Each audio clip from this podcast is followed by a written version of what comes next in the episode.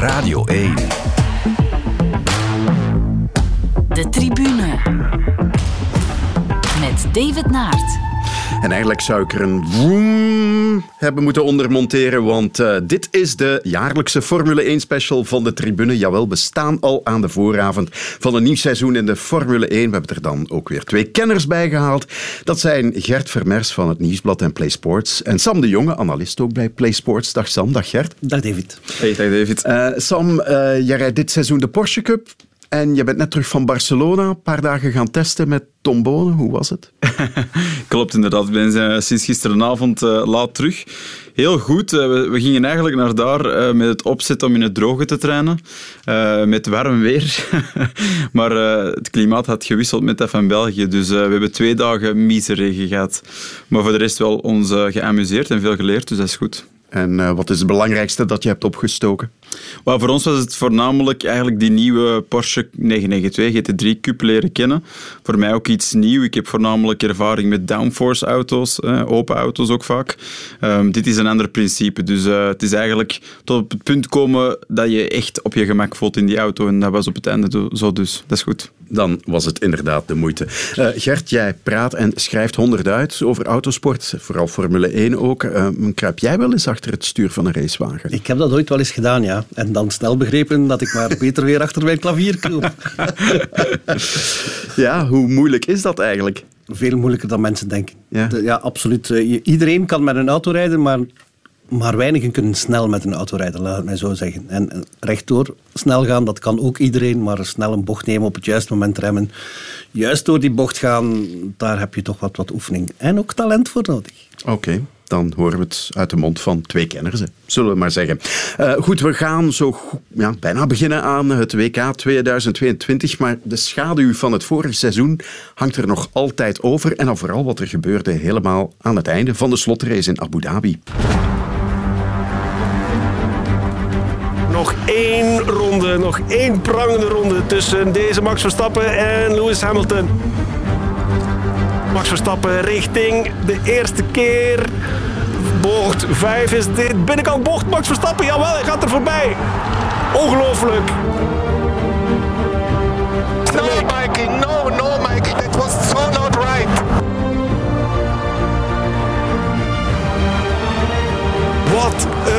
Ontknoping, wat een apotheose. Daar komt hij, de Flying Dutchman, de vliegende Hollander, 24 jaar geleden geboren in Hasselt richting zijn allereerste wereldtitel. Max Verstappen is wereldkampioen in de Formule 1. It's unbelievable. I mean, throughout the whole race I kept fighting and then of course that opportunity in the last lap. It's incredible. I'm, I'm still having a cramp. but uh, it's, it's insane. Ik noemde het een schaduw die er nog een beetje over hangt. Ja, dat is wel degelijk zo, hè? En die zal altijd blijven hangen. De, controverse van die, die ontknoping die gaat altijd blijven. En, en dat is een beetje te wijten aan, aan het gebrek aan beslissingspower bij de wedstrijddirecteur, denk ik. Die, die had ook daarvoor al dit seizoen, hè, want het, het was een beetje een, een ja, misschien uit schrik voor, voor, voor maatregelen die hij in vorige races had genomen. Ja, maar dan die maatregel. Hij heeft het reglement niet helemaal juist toegepast.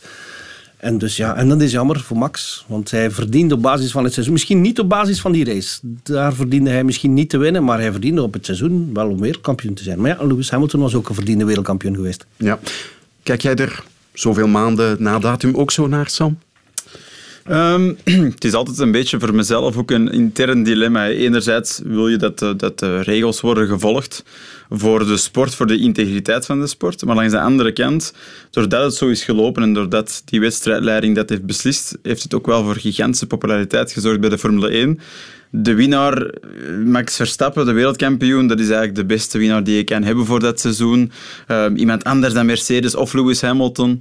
Dus ik denk dat er heel veel mensen blij mee waren en, en dat doet mij dan ook wel deugd. Dus het is een beetje tweeledig.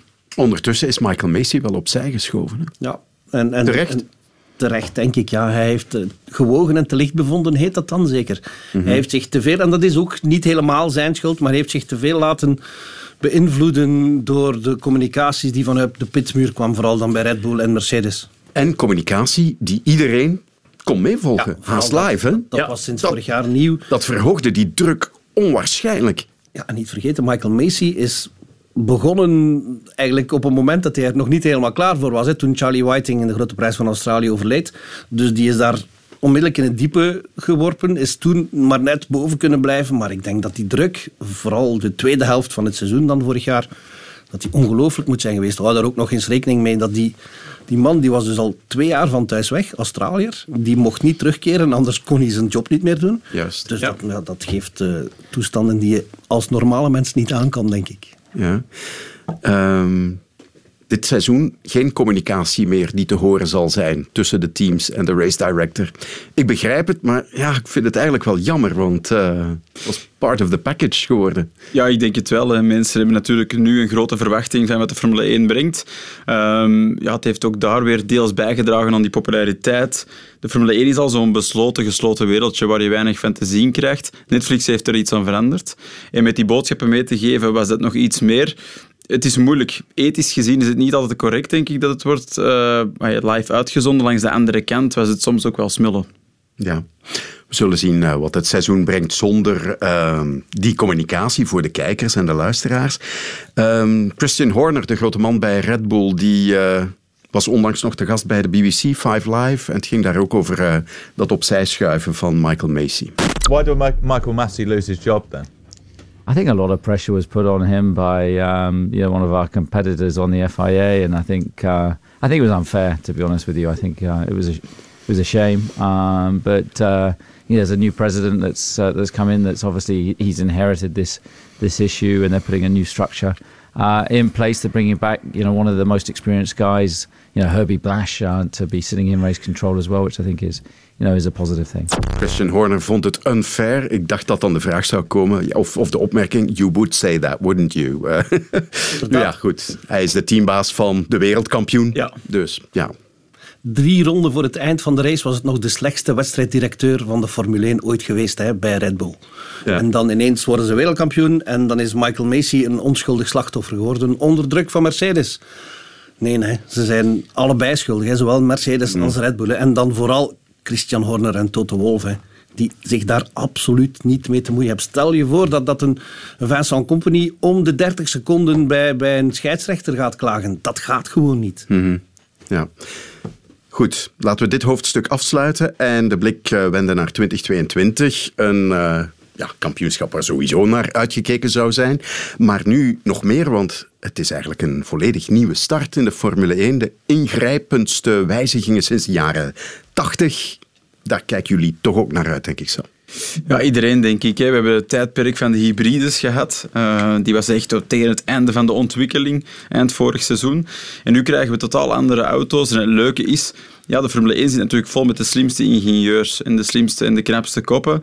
En die gaan samen kijken naar wat ze kunnen maken uit een, ja, een hoop papieren met, met regels in. En dat is zo fascinerend om te zien dat die verschillende teams met een verschillende oplossing komen voor misschien hetzelfde probleem, maar dan ook in een helemaal andere vorm en toch misschien even snel zijn met die andere oplossing.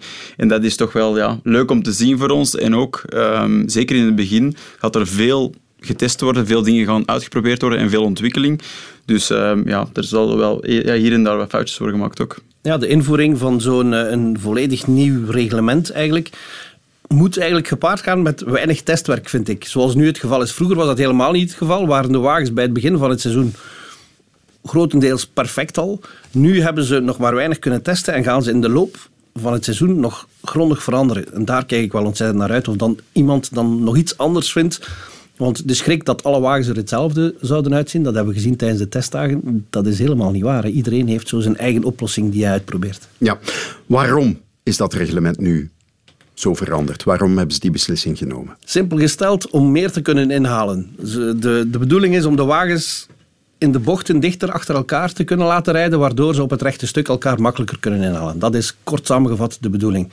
Om dichter achter elkaar te kunnen blijven in de bochten, moeten de wagens voldoende grip hebben, waardoor de luchtstroom die tot vorig jaar werd gecreëerd, die vuile lucht, zoals dat dan heette, achter de wagen, die moest verdwijnen. En nu hebben ze dus de luchtstroom onder de wagen gestuurd in plaats van over, waardoor die, als eens hij de wagen verlaat, helemaal naar omhoog wordt gestuurd en dus niet meer hindert voor de wagen die volgt. Ja, het gaat eigenlijk enigszins een beetje in tegen het principe van de Formule 1 Ja, de Formule 1 zoekt altijd naar het meest extreme in technologie, nog verder en nog verder.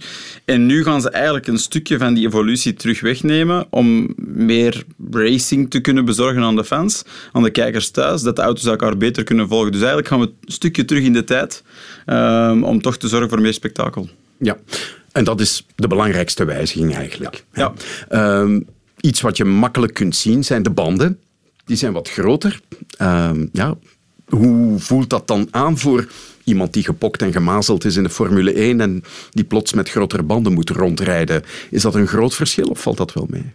Dat is een groot verschil, maar ik denk dat het, de moeilijkste factor, of, het moeilijkste daarvan, lag bij Pirelli zelf. Die ontwikkeling van die band, zorgen dat hij zoveel neerwaartse druk aan kan. En tijdens het remmen wordt er zoveel gewicht op die band eigenlijk gezet. En aangezien dat je met een dunnere flank zit, is het dus moeilijker om voor een band te zorgen die dat niet ja, kapot gaat of ontploft. Dus Pirelli heeft het opgelost en dat lijkt voorlopig goed te werken. We gaan zien in de hele Warbe Grand Prix. Het toch anderhalf uur aan het racen of dat ze ook eh, stand kunnen houden. Maar voor de teams en voor de racepiloten verandert er niet erg veel. Nee, het belangrijkste is waar we het eerder al over hadden, dat inhalen toch makkelijker zou moeten gaan. Heb je in de tests veel dingen gezien die daar al op wijzen? Eh, het nadeel van de tests is dat de meeste wagens dan alleen rondrijden natuurlijk op dat circuit. Eh, er, er, zijn een paar momenten geweest waarin wagens eh, dicht bij elkaar zaten. Ehm, een, Mercedes of een Alfa Tauri die een paar rondjes elkaar volgden. En daar zag je dan, vooral in de bochten, dat ze wel een pak dichter bij elkaar konden blijven. Dus dat is al een goed voorteken. Natuurlijk, de proof of the pudding volgende zondag tijdens de eerste race. Ja, we hebben twee testsessies gehad. Een eerste reeks in uh, Barcelona en dan nog een paar dagen in Bahrein. Wat is het belangrijkste dat jullie daarvan onthouden hebben? Voor zover dat kan natuurlijk, want je weet eigenlijk niet hoe elk team rondrijdt. Hè? Nee, ik denk, ik denk um, als we kijken naar die twee tests, Barcelona is eigenlijk een systemcheck, vooral voor teams. Kijken of alle systemen werken onderhuids. En in die tweede test zien we iets meer performance, maar ik denk dat we het ervoor ook eh, over gehad, Gert en ik, van hoeveel hebben we echt gezien, dat weten we eigenlijk niet goed. We zien dat vooraan redelijk dicht bij elkaar zit, dat is positief. Maar langs de andere kant ja, wat houdt Mercedes misschien achter, wat houdt Ferrari misschien achter. Um, in die zin is het de eerste keer in jaren, denk ik, dat het zo onduidelijk is uh, wat er gaat volgen. Ja, het is onmogelijk om een hiërarchie op te stellen nu op dit moment. Uh, je, je, weet wie, wie problemen heeft gehad, dat kan je zien natuurlijk. Maar je weet nooit met zekerheid wie snel kan gaan. Mm. Dat, want ze zouden moeten dom zijn om dat nu al te laten zien natuurlijk. Want dan verklap je eigenlijk een beetje je, je sterke punten. En Formule 1-teams zijn heel snel om te reageren om die sterke punten dan over te nemen. Oké, dan moeten we gewoon de wedstrijden afwachten. En die komen er al heel snel aan. De tribune. Een nieuw seizoen in de Formule 1. Hoe kunnen we daarop vooruitblikken? Ik dacht, laten we gewoon de teams overlopen en beginnen bij Red Bull. Dat is de renstal van de regerende wereldkampioen Max Verstappen. Um, ja, die hadden wel een goede sessie hè? In, in Bahrein. Zeker zaterdag uh, maakt ze toch wel indruk. Maar Zelfs de dag ervoor, de vrijdagavond, uh, stak Red Bull uh, zich niet weg. Het was een van hun, uh, de chief engineer was het, Roquelin, die zei van ja, het is allemaal positief. we are reasonably competitive at the end without even trying. Dat ja. is wel heel veel zelfverzekerdheid. Ja, dat is lef hebben om dat zo te vertellen, maar, maar dat zag iedereen ook. Hè, dat ze niet aan het pushen waren, maar toch, toch ja, goed presteren. En zoals jij al zei, David, vooral die laatste dag, toen ze opeens met nog een update afkwamen, ja. s ochtends en s'namiddags nog een andere. En dat, dat, is, ja, dat zijn dingen die, die in de pijplijn zitten, maar, en die misschien ook al een dag eerder hadden kunnen gemonteerd worden. Hè, maar dat doe je niet. Je, als je weet dat het werkt, wacht daar zo lang mogelijk mee. Ja. En dan probeer je het gewoon nog even en dan blijkt ook dat het werkt en dan ja, wat hielden die laatste updates eigenlijk in? Bij, bij Red Bull was het de sidepods. De, de, de, zijkant. De zijkanten die, die, die werden geherprofileerd, waardoor die, die luchtstroom... Hè, de, de luchtstroom is het belangrijkste bij Formule 1. En met Adrian Newey heeft Red Bull de man die de wind kan zien, hè, zoals dat zo mooi heet. En die, ja, die, die was, uh, dat was ook zichtbaar tevreden over zijn ontwerp, denk ik. Ja, een belangrijke man daar wel, hè? Ja, absoluut, ja. ja. Um, Max Verstappen op die bewuste zaterdag met de updates reed finaal ook de snelste tijd, voor wat het waard is, uh, daar in Bahrein. Maar hij zei achteraf, ja, ik heb dat ook gedaan zonder echt voluit te gaan. That was a pretty strong message you're sending out there. Was that full beans? No, I mean, it was just a general progression of the day and uh, just trying, um, you know, a few different tires. But I think the main focus was about the tires also we're going to use uh, next week. Um, but yeah, car was uh, was feeling all right, and we went through our program we planned to do, and yeah, that's always positive, I think. Niet voluit gegaan, gewoon de natuurlijke evolutie. En we hebben eigenlijk vooral aan de banden gewerkt. een heel nuchtere Max Verstappen. Ja, een beetje moeilijk om ook daar iets uit, uit op te maken, liever. Ik denk dat de cultuur bij Red Bull bijna tegenovergesteld is van bij Mercedes. Bij Mercedes is het meestal zitten ze een beetje in een verdedigende houding. Ehm, proberen ze wat te sandbaggen altijd, ehm, de underdog te spelen. Bij Red Bull is er toch die daredevil-cultuur binnen het hele bedrijf. En dat zie je ook in het Formule 1-team. Het wordt natuurlijk geleid door Christian Horner. Hij is zelf iemand die vaak bluft. Dus ik denk dat Red Bull er effectief goed voor staat. Maar ehm, ja, het is een helemaal andere communicatie als je kijkt naar Mercedes bijvoorbeeld. En toch zouden die twee misschien wel eens heel dicht bij elkaar kunnen zitten. Wat denk jij? Ik, ik denk dat Mercedes. Die zeggen nu dat ze problemen hebben. Ik denk dat dat een deeltje waar is. Ze hebben nog niet alles onder controle. Maar wat ze wel weten, is dat ze het potentieel hebben. Ehm, de, de uitspraak van Lewis Hamilton, op dit moment kunnen we nog niet om de zege strijden. Ja, nee, in de testdagen moet je ook nog niet om de zege kunnen strijden. Tussen Barcelona en Bahrein, de twee testsessies, is de wagen helemaal veranderd. Het kan best zijn dat de wagen van volgend weekend voor de eerste race er weer anders zal uitzien dan de wagen die ze in die laatste test hebben gebruikt. Ze hebben daar de mensen voor om die wagen snel te laten evolueren. Dus Mercedes wegcijferen, dat mag je niet doen. Maar dat, ja, het, zich een beetje de underdogrol aanmeten, dat is altijd gemakkelijker dan de favoriete rol aanmeten natuurlijk.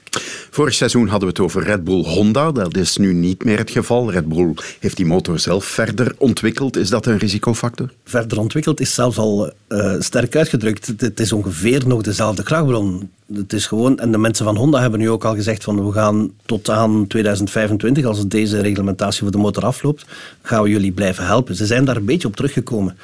Nu, ehm, ik denk niet dat dat voor de volgende jaren de belangrijkste rol zal zijn. Hè. De krachtbron die, die, die, is, die blijft constant. De Mercedes krachtbron die is nog altijd even sterk. Die van Honda heeft vorig jaar bewezen ook nog ehm, wat in zijn mars te hebben. Dus daar hoeven we geen, niet te veel aandacht aan te besteden, denk ik. Ja. Eh, er waren onlangs ook wat geruchten dat eh, ze met Porsche in zee zouden gaan. Wat is daar dan van aan of niet? Ehm, die kans is eigenlijk zeer reëel. Het is eh, al langer bekend inderdaad dat de Volkswagen-groep ehm, terug, ja, terug naar de Formule 1 wil eigenlijk. Ehm, dat zou dus met Porsche zijn. En ja, het is redelijk concreet tussen Red Bull en Porsche. Kan ook trouwens een reden zijn dat Max Verstappen heeft bijgetekend voor vijf jaar.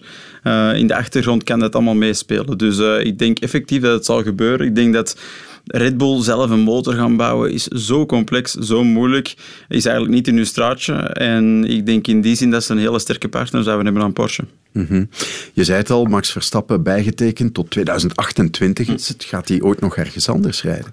Nee, denk ik. En dat is jammer. Is dat niet jammer? Ja. Dat is heel heel jammer, Dat is ja. heel, heel jammer. Ja. En Leg eens uit waarom. Voor mij is een echte kampioen iemand die bij verschillende teams kampioen kan worden.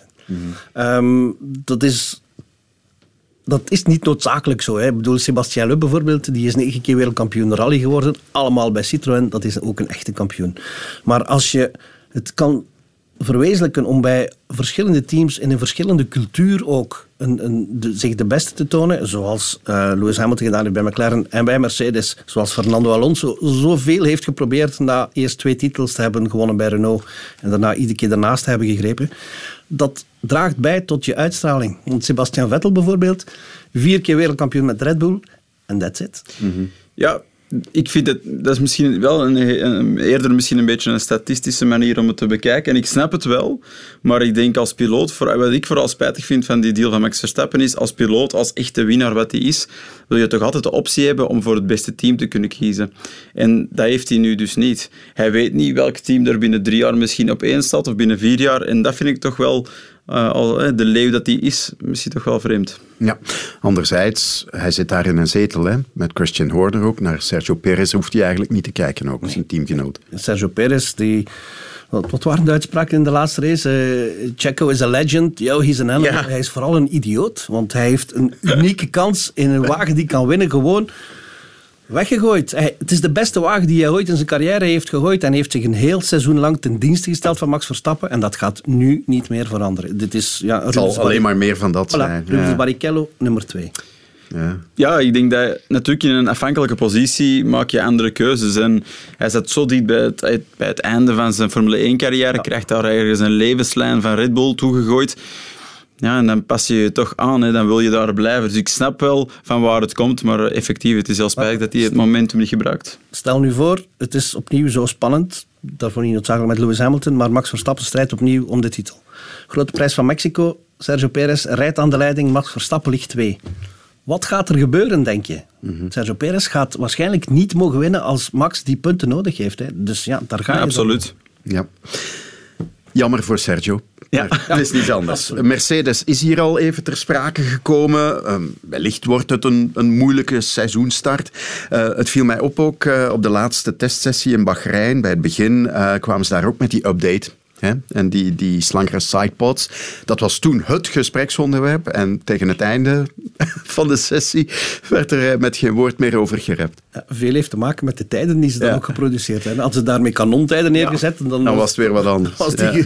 dat onderwerp wel langer eh, blijven leven. Ja, de vraag is ook, eh, hebben ze op volle toeren gereden? Voilà. Ja, dat zou bijna insinueren dat ze daarom niet hebben gedaan. Dus alweer een reden om ze extra in doog te houden eh, komend weekend. Ja, maar dat er problemen zijn, dat is wel duidelijk. Het gaat dan vooral over dat stuiteren, het porpoising. Eh, Sam, jij lijkt me de geknipte man om dat eens bevattelijk uit te leggen. Ja, ik zie Gert al lachen, want het is niet simpel. Doe toch maar een poging. Ehm, ja, dus met de nieuwe regels hebben ze inderdaad ervoor gezorgd dat het grootste deel van de downforce van de vloer komt. Dat betekent puur fysisch dat die twee elementen, dat betekent de surface of de tarmac, en de auto elkaar evenredig aantrekken. Maar natuurlijk, ja, de vloer of de tarmac die kan niet naar boven, de wagen kan wel naar beneden. En doet dat met zoveel kracht dat die uiteindelijk de grond zal raken, dat de wind eigenlijk stalt of stil komt te staan in de diffuser en die wagen dan terug omhoog stuitert en dat, dat eigenlijk keer op keer op keer vanaf een bepaalde snelheid. Ehm, dus ja, dat was een reëel probleem eh, wat ze niet hadden zien aankomen. Ja, en opvallend was vooral dat Mercedes het enige team is dat er nog echt mee lijkt te worstelen. De anderen hebben het zo goed als onder controle gekregen. Ja, dat kan natuurlijk te maken hebben met hun extreem sidepod design. Die, die hele slanke wagen. Ehm, ja, die, die, die zorgt ervoor dat de wind op een bepaalde manier aan die achterkant komt. En ze krijgen het daarom misschien niet zo snel opgelost. Nu, Mercedes is een top, top, top team. Hè. Zoveel keer kampioen geworden. Dus eh, ik maak me in die zin niet veel zorgen over eh, dat ze een oplossing zullen vinden. Je hebt het trouwens eh, heel bevattelijk uitgelegd. Inderdaad, inderdaad. Eh, het is ook een, een- er is een makkelijke oplossing voor. Het is gewoon de wagen hoger zetten. Maar natuurlijk, als je de wagen hoger zet, dan verminder je die aanzuigkracht van de wagen naar het asfalt en verminder je dus de grip in de bocht en gaat de rondetijd dus omhoog. En dat heeft Mercedes, heb ik de indruk, niet willen doen tijdens die test. Zij wilden verder gaan op de voor hen ideale rijhoogte en proberen zo'n oplossing te vinden. Natuurlijk, als je die niet onmiddellijk vindt, dan blijf je verder stuiteren over het rechte stuk. Heb je bij andere teams kunnen, kunnen zien of zij die rijhoogte wel hebben aangepast? Ik heb de indruk dat ze dat bij Alpine wel hebben gedaan, bijvoorbeeld. En dat ging dan ook ten koste van de rondetijd. Ja. Ja, plus ergens is het natuurlijk spijtig, want het hele punt van deze nieuwe generatie Formule 1-wagens is die vloer doen werken, zodat de wagens kunnen volgen in de bochten. Dus als we die rijhoogte gaan aanpassen, gaan we een direct effect hebben op het punt dat, de Formule 1 net wilt maken. Dus laten we hopen dat er toch eh, andere trucjes worden uitgevonden. Ja, maar Mercedes lijkt dus eh, met een achterstand aan het seizoen te beginnen. We gaan eens eh, luisteren naar wat Lewis Hamilton daarover zei aan het eind van de test in Bahrein. And so, if we were to go racing tomorrow, pole position and, and race win, or where do you think you'd end up? No, at the moment we're not. Uh, I mean, sure, everyone can kind of uh, figure that out. We're not the quickest at the moment. I think Ferrari looked to be the quickest, and um, perhaps Red Bull, and then maybe us or McLaren. I don't know. Um, but uh, yeah, we're, we're cur- currently not at the top. Er zat iemand van McLaren naast hem. Vandaar dat hij dat zei, eh, want die hadden ook niet echt een, eh, een goede test in eh, Bahrein. Maar ja, ehm, hoe groot is dat probleem nu bij Mercedes? Ik denk dan aan vorig seizoen, toen de laatste test eigenlijk ook niet goed was. En ze vervolgens de openingsrace gewoon wonnen. Ja, inderdaad. Met, met Lewis Hamilton. Valtteri Bottas die bleef wel nog wat problemen hebben in de race. Ehm, het, het zal erop aankomen in hoeverre de anderen hun, hun huiswerk goed hebben gemaakt. Als zij ook nog dezelfde progressiemarge hebben als Mercedes, dan is Mercedes top 3. Die, die top 4 plaats van Hamilton, die vond hij inderdaad wel uit op het moment zelf, denk ik. Dus ze zijn zeker top 3. Maar hoe dicht ze bij de anderen zitten, of er zelfs voor, dat is nog een beetje koffiedik kijken. Hè? Dat is onmogelijk te voorspellen. Akkoord, Sam? Helemaal akkoord. Ja, helemaal Ja. akkoord. Ja. Ehm, Lewis Hamilton wordt er ook niet jonger op. Zevenvoudig wereldkampioen nog altijd. Ehm, zou die ooit overwogen hebben om te stoppen? Na vorig van- seizoen? Ik denk van niet. Nee, Nee. onmogelijk. Dit is, Lewis Hamilton is de man die werd achteraf door zijn omgeving beschreven, die kwaad was, ziedend zelfs, toen Nico Rosberg aankondigde dat hij zou stoppen, waardoor Lewis Hamilton de kans niet meer kreeg om revanche te nemen op Nico Rosberg. En nu zou hij zichzelf de kans op revanche op Max Verstappen ontzeggen. Nooit van zijn leven.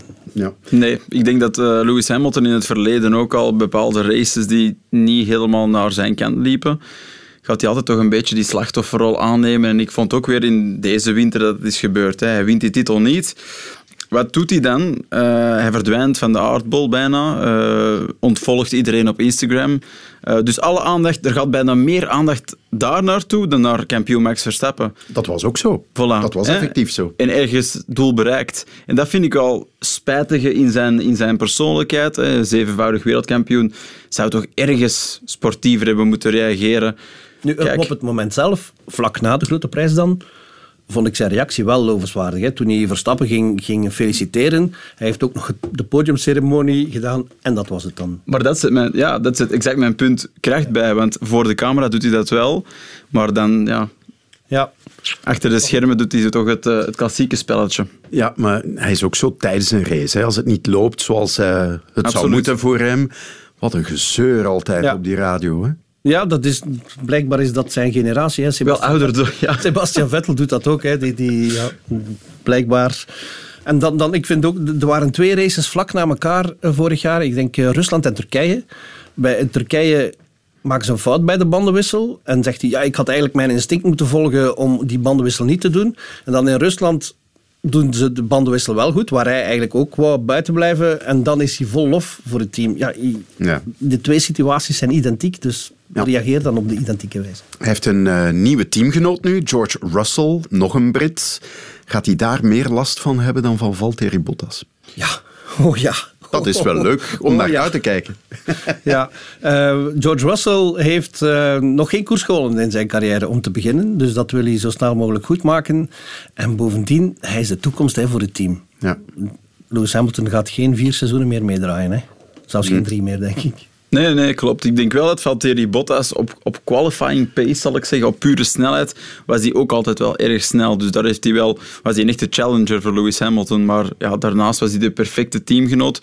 George Russell die heeft hier jaren op gewacht, heeft hier jaren op voorbereid. We hebben het al gezien toen hij de kans kreeg die, bij de ene race dat hij mocht doen voor Mercedes. Ter vervanging van Lewis Hamilton was hij ijzersterk. Dus je voelt ook direct ehm, ja, bijna meer volwassen dan zijn leeftijd zou zeggen. Tijdens deze testing neemt hij het woord, hij durft dingen zeggen zonder te checken bij ingenieurs. Dus dat, dat blijkt toch wel, hij geeft veel blijk van zijn eh, maturiteit.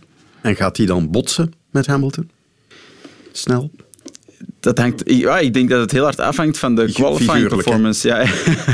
ja, het kan ook letterlijk zijn. Ja. Ehm, ja, ik denk wel dat ze bij Mercedes goed weten hoe ze ermee om moeten gaan. Maar zoveel zal afhangen van hun snelheid in, in, in, eh, in de kwalificaties. Ja, en ik denk ook dat veel zal afhangen van hoe competitief de wagen zelf is. Een wagen die net onder de top zit, daar hebben de teammaats altijd minder moeite met elkaar dan een wagen die volledig top is. Ja. Want daar voelen ze van, dit is mijn kans. Dit, met deze wagen kan ik kampioen worden. Ja. En als je een iets mindere wagen hebt, dan heb je de neiging om altijd met je teammaat samen te werken om die wagen beter te maken. Maar als die wagen dan de beste is, dan denk je weer aan jezelf. Ja. Zou 2022 het seizoen kunnen worden van Ferrari? Ja, Die wagen ziet er prachtig uit, moet ik zeggen. Ja. Eh, maar de tests waren ook goed, allebei. Barcelona en Bahrein. Ja, en ik denk dat we in Barcelona nog zoiets hadden van Ferrari doet dat elk jaar. Hè. Ze moeten de headlines hebben gehaald toch minstens één keer. En in testing is dat dan het gemakkelijkste, want je rijdt misschien met een lichte wagen of je rijdt op full eh, engine performance, eh, alle power uit de motor halen, maar dan kwam Bahrein en dat is enkel een bevestiging. Dus ik denk wel effectief dat Ferrari het eindelijk nog eens voor elkaar heeft. Om echt te challengen voor het kampioenschap moeten we zien. Wat we hopen van wel, maar ze zitten zeker in de top drie. Ja, ze hebben ook voldoende tijd genomen om de nieuwe wagen te ontwikkelen. Hè. Meer dan Mercedes en Red Bull, die tot het eind van het seizoen om de titel streden vorig jaar. Ferrari heeft die strijd relatief vroeg opgegeven. en, en dus zich eh, sneller op de wagen voor 2022 toegelegd. Ik denk dat dat nu wel eh, zijn resultaten oplevert. Ja. Het wordt ook wel tijd, hè? Het wordt zeker tijd, ja. Behalve die, die ene wereldtitel van Kimi Räikkönen, die dan nog met een gelukje is behaald omdat Hamilton en Alonso elkaar in de weg reden, ehm, is het toch al heel, is het van Michael Schumacher geleden hè, dat, eh, dat er nog een rijderstitel kwam. Ja. Ja, bij Ferrari is het, is het natuurlijk een speciale situatie, want ze zitten echt op zichzelf in Italië. En eigenlijk is er daar buiten de druk van Italië zelf, eh, kunnen ze zelf bepalen wat er daar gebeurt. Hè. Het is niet Mercedes waar de board of directors mee moet beslissen. Het is geen Frans team waar misschien zelfs de overheid een stuk tussen zit. Het is echt Ferrari op zich. En daarmee hebben ze altijd een beetje tijd gekocht. Maar ja, ik denk als Formule 1-fan wil je hem toch wel vooraan zien. Ja. Ja, eh, Lewis Hamilton noemde Ferrari al uh, in het clipje dat we daarnet konden horen. Uh, Pierre Gasly van Alfa Tauri die kreeg ook de vraag of hij een duel verwacht tussen Verstappen en Hamilton. Vous attendez un duel euh, Verstappen-Hamilton ou bien euh, ça va être différent Non, je pense que ça va être plutôt Verstappen-Ferrari. Ah oui, carrément. Ouais. Verstappen-Ferrari, ja. Volgens uh, Pierre Gasly. Maar, maar, er zijn wel nog meer rijders die echt wel op Ferrari tippen. Die... Ja, ik denk dat Pierre Gasly vooral zijn vriend Charles Leclerc vooraan wil zien rijden ook.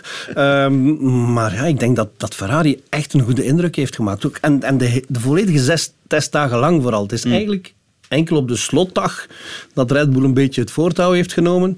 Maar ik denk niet dat ze daarvoor uh, bij Ferrari triestig zijn, want zo blijven zij een beetje uit de spotlights. Hè. Weer hetzelfde verhaal. Maar bij de race in Bahrein verwacht maar dat de Scuderia er zal staan. Charles Leclerc die mag ook wel progressie gaan maken natuurlijk. Hè. Trappelt al te lang ter plaatse. Ja, het, het, is, het, is, het is een beetje het, het jonge talent dat nog net voor de doorbraak staat, heb ik de indruk. Ja, hij blijft het talent dat ja. inderdaad ter plaatse trappelt. Ja, ja klopt, inderdaad. En, en naast Sebastian Vettel maakte hij een heel goede indruk. Op die moment een beetje een uitgebluste Sebastian Vettel die bij Ferrari weg wilde. Dan krijg je een Carlos Sainz die eigenlijk heel volwassen is, um, heel matuur overkomt en altijd een beetje de stabiliserende factor binnen een team is. We zagen dat ook bij de vorige teams dat hij zat. En, en dat heeft ergens uh, Charles Leclerc een beetje uit zijn evenwicht gehaald. Van oei, er is hier iemand die ook snel is, maar ook invloed heeft op het team, het team achter zich heeft staan. Hij zit in een minder makkelijke positie dan ervoor. Ja, ik vond uh, Carlos Sainz bij momenten echt ook wel goed. Heel ja, inderdaad. Die Ferrari uh, het is wat onderbelicht gebleven, maar ja, die heeft best wel een goed seizoen gereden in moeilijke omstandigheden. Ja, voor mij is dat iemand die, net zoals Lando Norris, misschien intrinsiek niet de snelste is, maar wel heel leergierig is en slim genoeg om, om nieuwe dingen aan te leren. We zagen hem initieel een aantal fouten maken met die Ferrari, een aantal keer crashen, weekend na weekend, en dan nooit meer. Dan is hij echt beginnen presteren. En bij Charles Leclerc zien we vaak frustratie als die fouten maakt. Is misschien intrinsiek rapper, maar blijft ook langer hangen in die fout. Um, en ik heb het gevoel bij Carlos Sainz, die maakt een fout en die gaat verder. Ja, Sainz en Norris, maar, en ook eigenlijk George Russell, die staan op, een beetje op hetzelfde punt in hun carrière, zo net voor de eerste overwinning. En die cruciale eerste overwinning, hoe sneller die er komt voor die gasten, hoe meer zij uit hun carrière zullen kunnen halen. En voor Sainz, ik denk niet dat we tot halverwege het seizoen zullen moeten wachten dit jaar. Heeft wel gewonnen, hè, bij McLaren. Carlos Sainz in... Uh, of, nee, nee, nee. Nee, dat was Daniel Ricciardo. het hoofd, uh, uh, Norris. Ik dacht Monza, of uh, was het... Nee, dat was je tweede. Hè? Tweede, tweede ja. hè? Achter ja. Pierre Gasly. Beter doen dan... Zijn grote frustratie. Ja, ja, ja, inderdaad. Ja. Want hij had nog een ronde langer nodig en dan had hij zeker gewonnen, zoals zoveel rijders. Uh, ja, dat is zoals in het voetbal. Hè. Bij de rust stonden we nogthans voor. Ja, ja. Voilà. Um, zullen we naar Alfa Romeo overstappen? Um, ja, dat is niet de meest sexy ploeg, maar toch interessant vind ik dit seizoen. Uh, twee nieuwe rijders, nu ja, nieuw. Valtteri Bottas mag nog eens eerste man spelen. Ik ben benieuwd hoe hij dat gaat doen. Gaat hem deugd doen, hè Sam? Denk ik. Zeker. Um, hij heeft natuurlijk erg veel opgestoken van Lewis Hamilton en, en van bij zo'n topteam als Mercedes te rijden. Kan die allemaal meenemen en dat kan hij een beetje gaan tentoonstellen uh, bij Alfa Romeo. En, en ja, je voelt al direct dat het team ook erg gemotiveerd is met hem, uh, met hem mee in de rangen. En ja, het is zo het juiste moment in zijn carrière om die rol te spelen. En ik denk eigenlijk dat hij misschien wel voor een verrassing kan zorgen dit seizoen. Het zal ook van de wagen afhangen Absoluut. natuurlijk. Wat zijn daar de eerste indicaties? Um, potentieel snel, maar weinig betrouwbaar. Helaas. Ja. helaas. Maar dat is, dat is het. Ik bedoel, het is makkelijker om, om een snelle wagen betrouwbaarder te maken dan omgekeerd. Hè? Ja. Dus dat is al een goed voorteken. Um, maar niet vergeten, dit is nog altijd het Sauber van vroeger. Hè? Het Zwitserse team dat af en toe bepaalde seizoenen toch ook wel goed voor de dag kwam. Hè, om podiumplaatsen kon strijden. En ik zeg niet dat dat dit jaar al onmiddellijk het geval zal zijn, maar, maar top 5, dat moet erin zitten hoor, voor Bottas en zijn nieuwe teamgenoot. Ik vond het op zich wel leuk om vast te stellen dat Bottas er nog altijd wel zin in had. Ehm, en dus de overstap maakte naar een kleiner team, maar om eindelijk van onder dat juk vandaan te zijn. Want ja, iedereen keek ook altijd zo wat meewarig naar die Bottas. Als er iemand bij Mercedes pech had, ja, dan kon je er donder op zeggen dat het Bottas was. eh, dat hij weer achterin sukkelde, net in een race waar hij dan een rol zou kunnen spelen voor Lewis Hamilton. En dat lukte maar nooit. Nee, hij had eigenlijk de moeilijkste rol eigenlijk van heel de Formule 1 grid, denk ik. Hè, tegen de misschien wel snelste piloot in de beste wagen, bij het beste team. Als je dan verliest van die twee, zo gezegd, hè, dan ben je altijd de verliezer, terwijl je altijd, eh, nog altijd wel een toppiloot bent. Dus erg moeilijk. En daarbij komend, hij had altijd een eenjarig contract. En dat heeft zoveel druk op hem gezet. Nu kan hij eigenlijk naar een team gaan dat misschien niet moet presteren. Dus dat geldt ook voor hem. En kan hij eigenlijk volledig ontspannen, zich eh, focussen op zijn nieuwe rol. Zijn nieuwe team levert ook de eerste Chinese rijder in uh, de Formule 1. Uh, Zhou, Zhou Guanyu, zo wordt het blijkbaar uitgesproken. Uh, wordt dat uh, de nieuwe Mazepin, een nieuwe brokkenpiloot? Absoluut niet hoor. Nee, nee, nee? ik denk dat zo wel een pak beter is dan de Rus. Hij, hij heeft hij misschien... was derde in de Formule 2. Ja, eigenlijk. En dat was een beetje een tegenvallend resultaat. Ja. Want hij had eigenlijk kampioen moeten worden. Want, ja? want het, ja, dat waren toch de verwachtingen voor het seizoen. Maar, maar uh, Mazepin niet vergeten, die was het jaar ervoor zevende hè, in de Formule 2. Om maar die vergelijking te, te stellen. Um, zo, die kan die druk aan denk ik. Mm. Hij zit nog niet in een topteam, dat is al goed. Uh, het enige waar je moet voor opletten, denk ik, is dat hij niet te hard probeert te bewijzen dat hij talent heeft. En niet alleen in de Chinese nationaliteit. Mm -hmm. uh, hij moet gewoon zijn ding doen. Ja. Zodoende leert men, hè. Gert. Zo? Zodoende. Zodoende. ja, dat ligt allemaal heel gevoelig. Hè? Chinese woorden. Ja, inderdaad. Daar opletten. Uh, nu ja, uh, is dat nu een sportieve keuze geweest of een commerciële of beide? Allebei. Je kan nooit ontkennen dat dat geen commerciële keuze is geweest. Ik bedoel, de, de Formule 1 zal er alles aan doen om door te breken in China. Zeker nu ze toch al een groot stuk zijn doorgebroken op de Amerikaanse markt, hè, dankzij Netflix. Nu blijft nog die andere grote mogelijke afzetmarkt over, China. Um, met, met, een Chinees uit Shanghai, waar het circuit ligt. Um, een echte Chinees ook deze keer, want er zijn nou ook, ook, ook al andere rijders met Chinese nationaliteit geweest die eigenlijk Europeanen waren. Um, ik denk dat ze daar wel, wel achter gezeten hebben vanuit de Formule 1 zelf om die rijder ergens onder te brengen. Mm -hmm. Dat er nu een goede zaak is dat hij bij Alfa zit. Ik denk voor hem wel. Mm -hmm. Ja. En hij kan het ook aan, denk ik. Ja. Hoe frustrerend is dat dan voor die Piastri, de winnaar van het uh, Formule 2-kampioenschap? Ja, erg frustrerend. Ja. ja, hij blijft steken op de reservestoel bij uh, Alpine, is het zeker. Ja. Ja, ja, en heeft eigenlijk de afgelopen jaren in een wervelwind van succes gezeten. Ook dankzij zichzelf natuurlijk. Heel goed gereden, kampioenschap na kampioenschap gewonnen. En nu wordt dat momentum er een beetje uitgehaald. Erg gevaarlijk eigenlijk voor zijn toekomst, want niet iedereen slaagt erin om dan terug die flow te vinden van succes.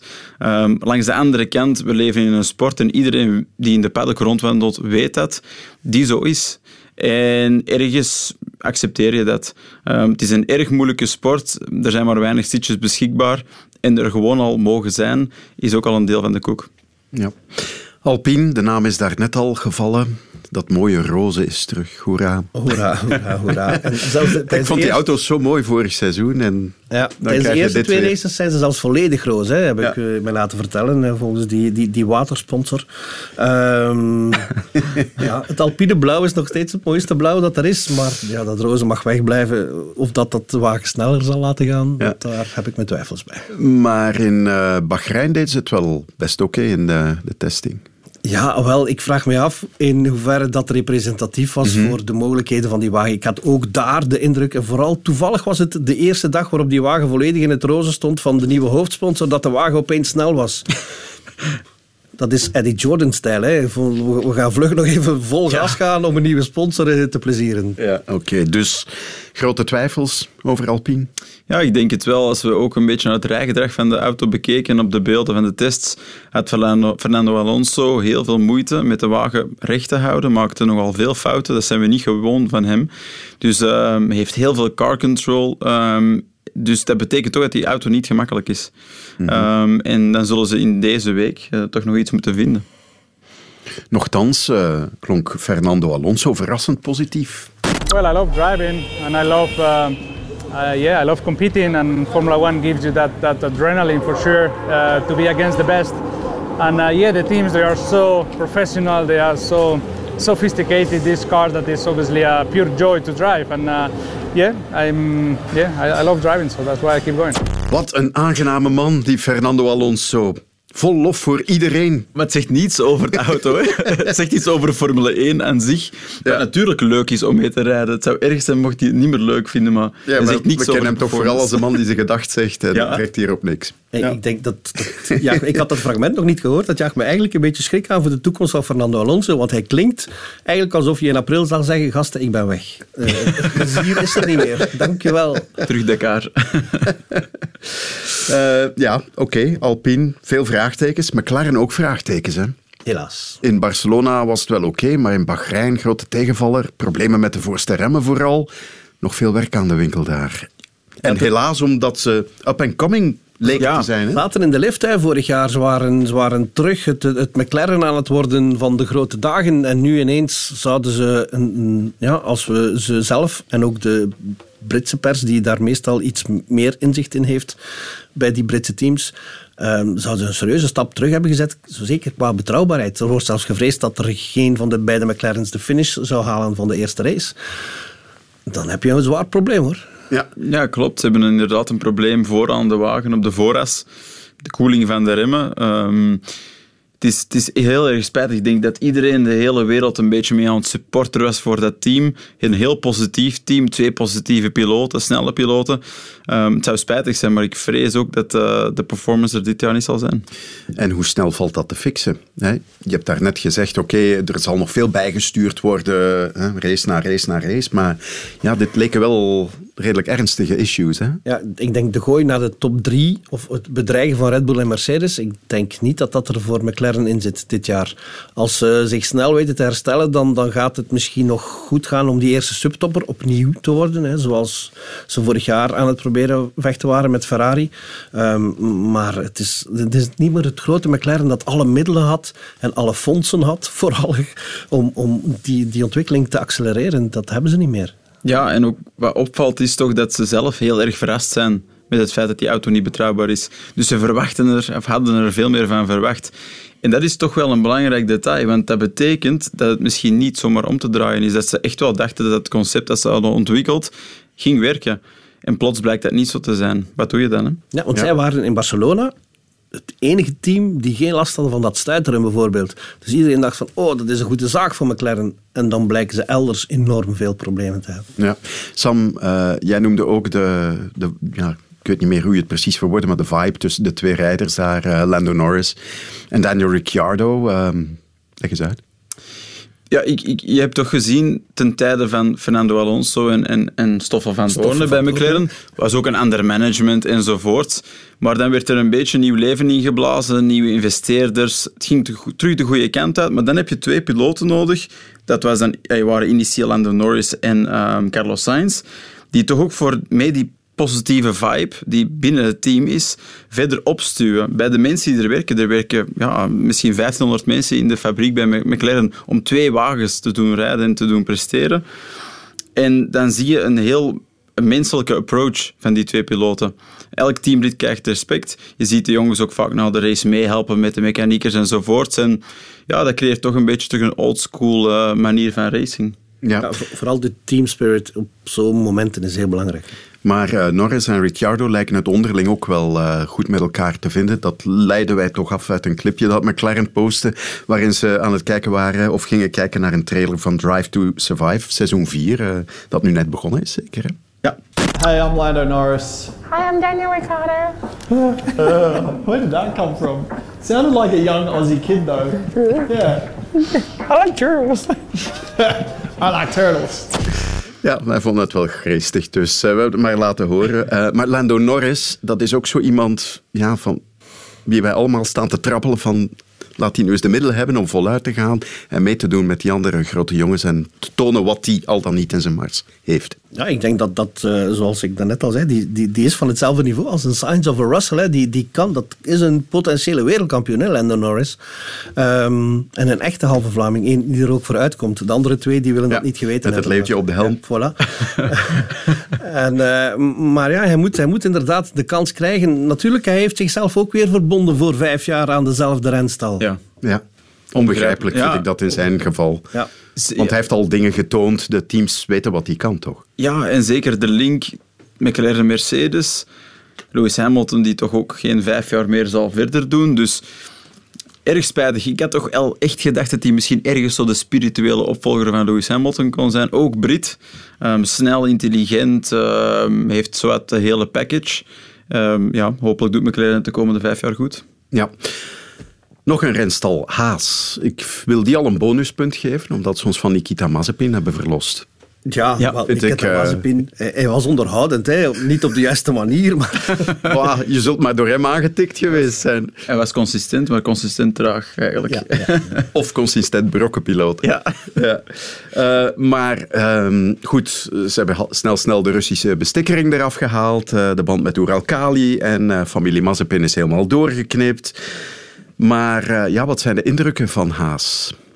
Ja, het feit van het stopzetten van die sponsoring vond ik al dat ze daar zich met weinig zorgen eh, dat ze die hebben gedaan, vond ik al een positieve zaak. Want dat betekent dat ze zich toch wel ergens gerust voelen dat er nog toekomst zit, ook zonder die Russische centen. En dat ze dan eh, Kevin Magnussen zijn gaan terughalen, dat vond ik nog veel beter. Want Magnussen is eigenlijk te vroeg uit de Formule 1 vertrokken. Eh, ook niet helemaal met zijn zin, dat was duidelijk toen hij... eh, maar hij heeft vorig jaar gemerkt in, in, de, in, de, in Amerika en in de uithoudingsracerij dat hij nog wel wat te bieden heeft. En ik denk dat hij dat dit jaar nog wel eens zal bewijzen. ja. Maar eh Mazepin was natuurlijk wel een liability hè, voor dat team. Eigenlijk, ja, dat klinkt niet goed, maar dat conflict Rusland-Oekraïne kwam voor Haas misschien wel als geroepen om eh, Ja, er korte metten mee te maken. Misschien inderdaad ergens een, een goed excuus om van die deal af te geraken, die misschien voor hoeveel jaar was, dat weten we natuurlijk niet. Ehm, ik denk dat vanaf ze die deal gemaakt hadden, dat er toch wel heel veel twijfel binnen Haas zelf ook was. En dat zag je ook vorig seizoen, vond ik. Er was geen performance, maar er was eigenlijk niets. Het was bijna een geest van een team. Ehm, zelfs Mick Schumacher maakte voor mij een hele makke indruk. Dus ik denk wel dat er dit jaar veel meer kan inzitten. Ze hebben de, de grootste ontwikkeling of de langste ontwikkeling kunnen doen van alle teams. Van vorig Dus- jaar al, hè? Voilà, dus ze hebben eigenlijk de meest ontwikkelde wagen, zou je kunnen zeggen. Misschien niet de meest snelle of juiste, maar wel de meest ontwikkelde. Dus dat moet toch wel heel erg veel info hebben gegeven. Ja, en Mick Schumacher, oké, kan een toevalstreffer zijn, maar reed wel een snelle tijd ook in Bahrein. Dat was een toevalstreffer. Oké. In verband met Rusland, eh, de, de, de band met Rusland is helemaal verbroken. Eerst eh, de grote prijs in Sochi, maar het contract ook met Sint-Petersburg is opgezegd. De Formule 1 komt niet meer naar Rusland. Heeft de Formule 1 nu plots een geweten? Nee, vreemd, hè? Ja? Ja, want ze, maken, ze hebben geen geweten voor Saudi-Arabië. Ook niet voor Qatar. Bahrein, Bahrein. Aramco staat nog altijd langs de circuits. Azerbeidzjan. Ja, het is een beetje een opportunistische move, maar ehm, laten we eerlijk zijn, dat zien we in, ja, bijna in elke topsport op dit moment. En breder dan dat ook. Dus ehm, het is, ik, ik verschiet er niet van, eh, maar het is wel ergens... ehm, ja, Ze hebben Rusland ook niet nodig natuurlijk Nee, voor dat WK. voilà. Ze hebben genoeg races en genoeg kandidaat-organisatoren nog. Ja, en dat, dat opent dan weer de mogelijkheden voor een, een, een derde grote prijs in Amerika. Hè? Ja. Drie, denk je? Ja, ja, ze hebben nu... Dus Miami komt Liberty er dit, Media die daar Miami komt er dit jaar bij. En dan is er nog altijd Las Vegas. Ja, maar dan zullen ze misschien toch wel eh, Andretti moeten toelaten als, als team. Die willen graag toetreden tot Formule 1, hebben de 200 miljoen die nodig is om zich in te schrijven. Maar momenteel denk ik dat er bij de andere teams een beetje... eh, ze, ze, ze willen het eigenlijk liever niet. Nee, die andere teams hebben door van wij zitten hier op een gigantisch, potentieel sterke commerciële koek. Ja. En we verdelen die liever in 10 dan in 11. Ja.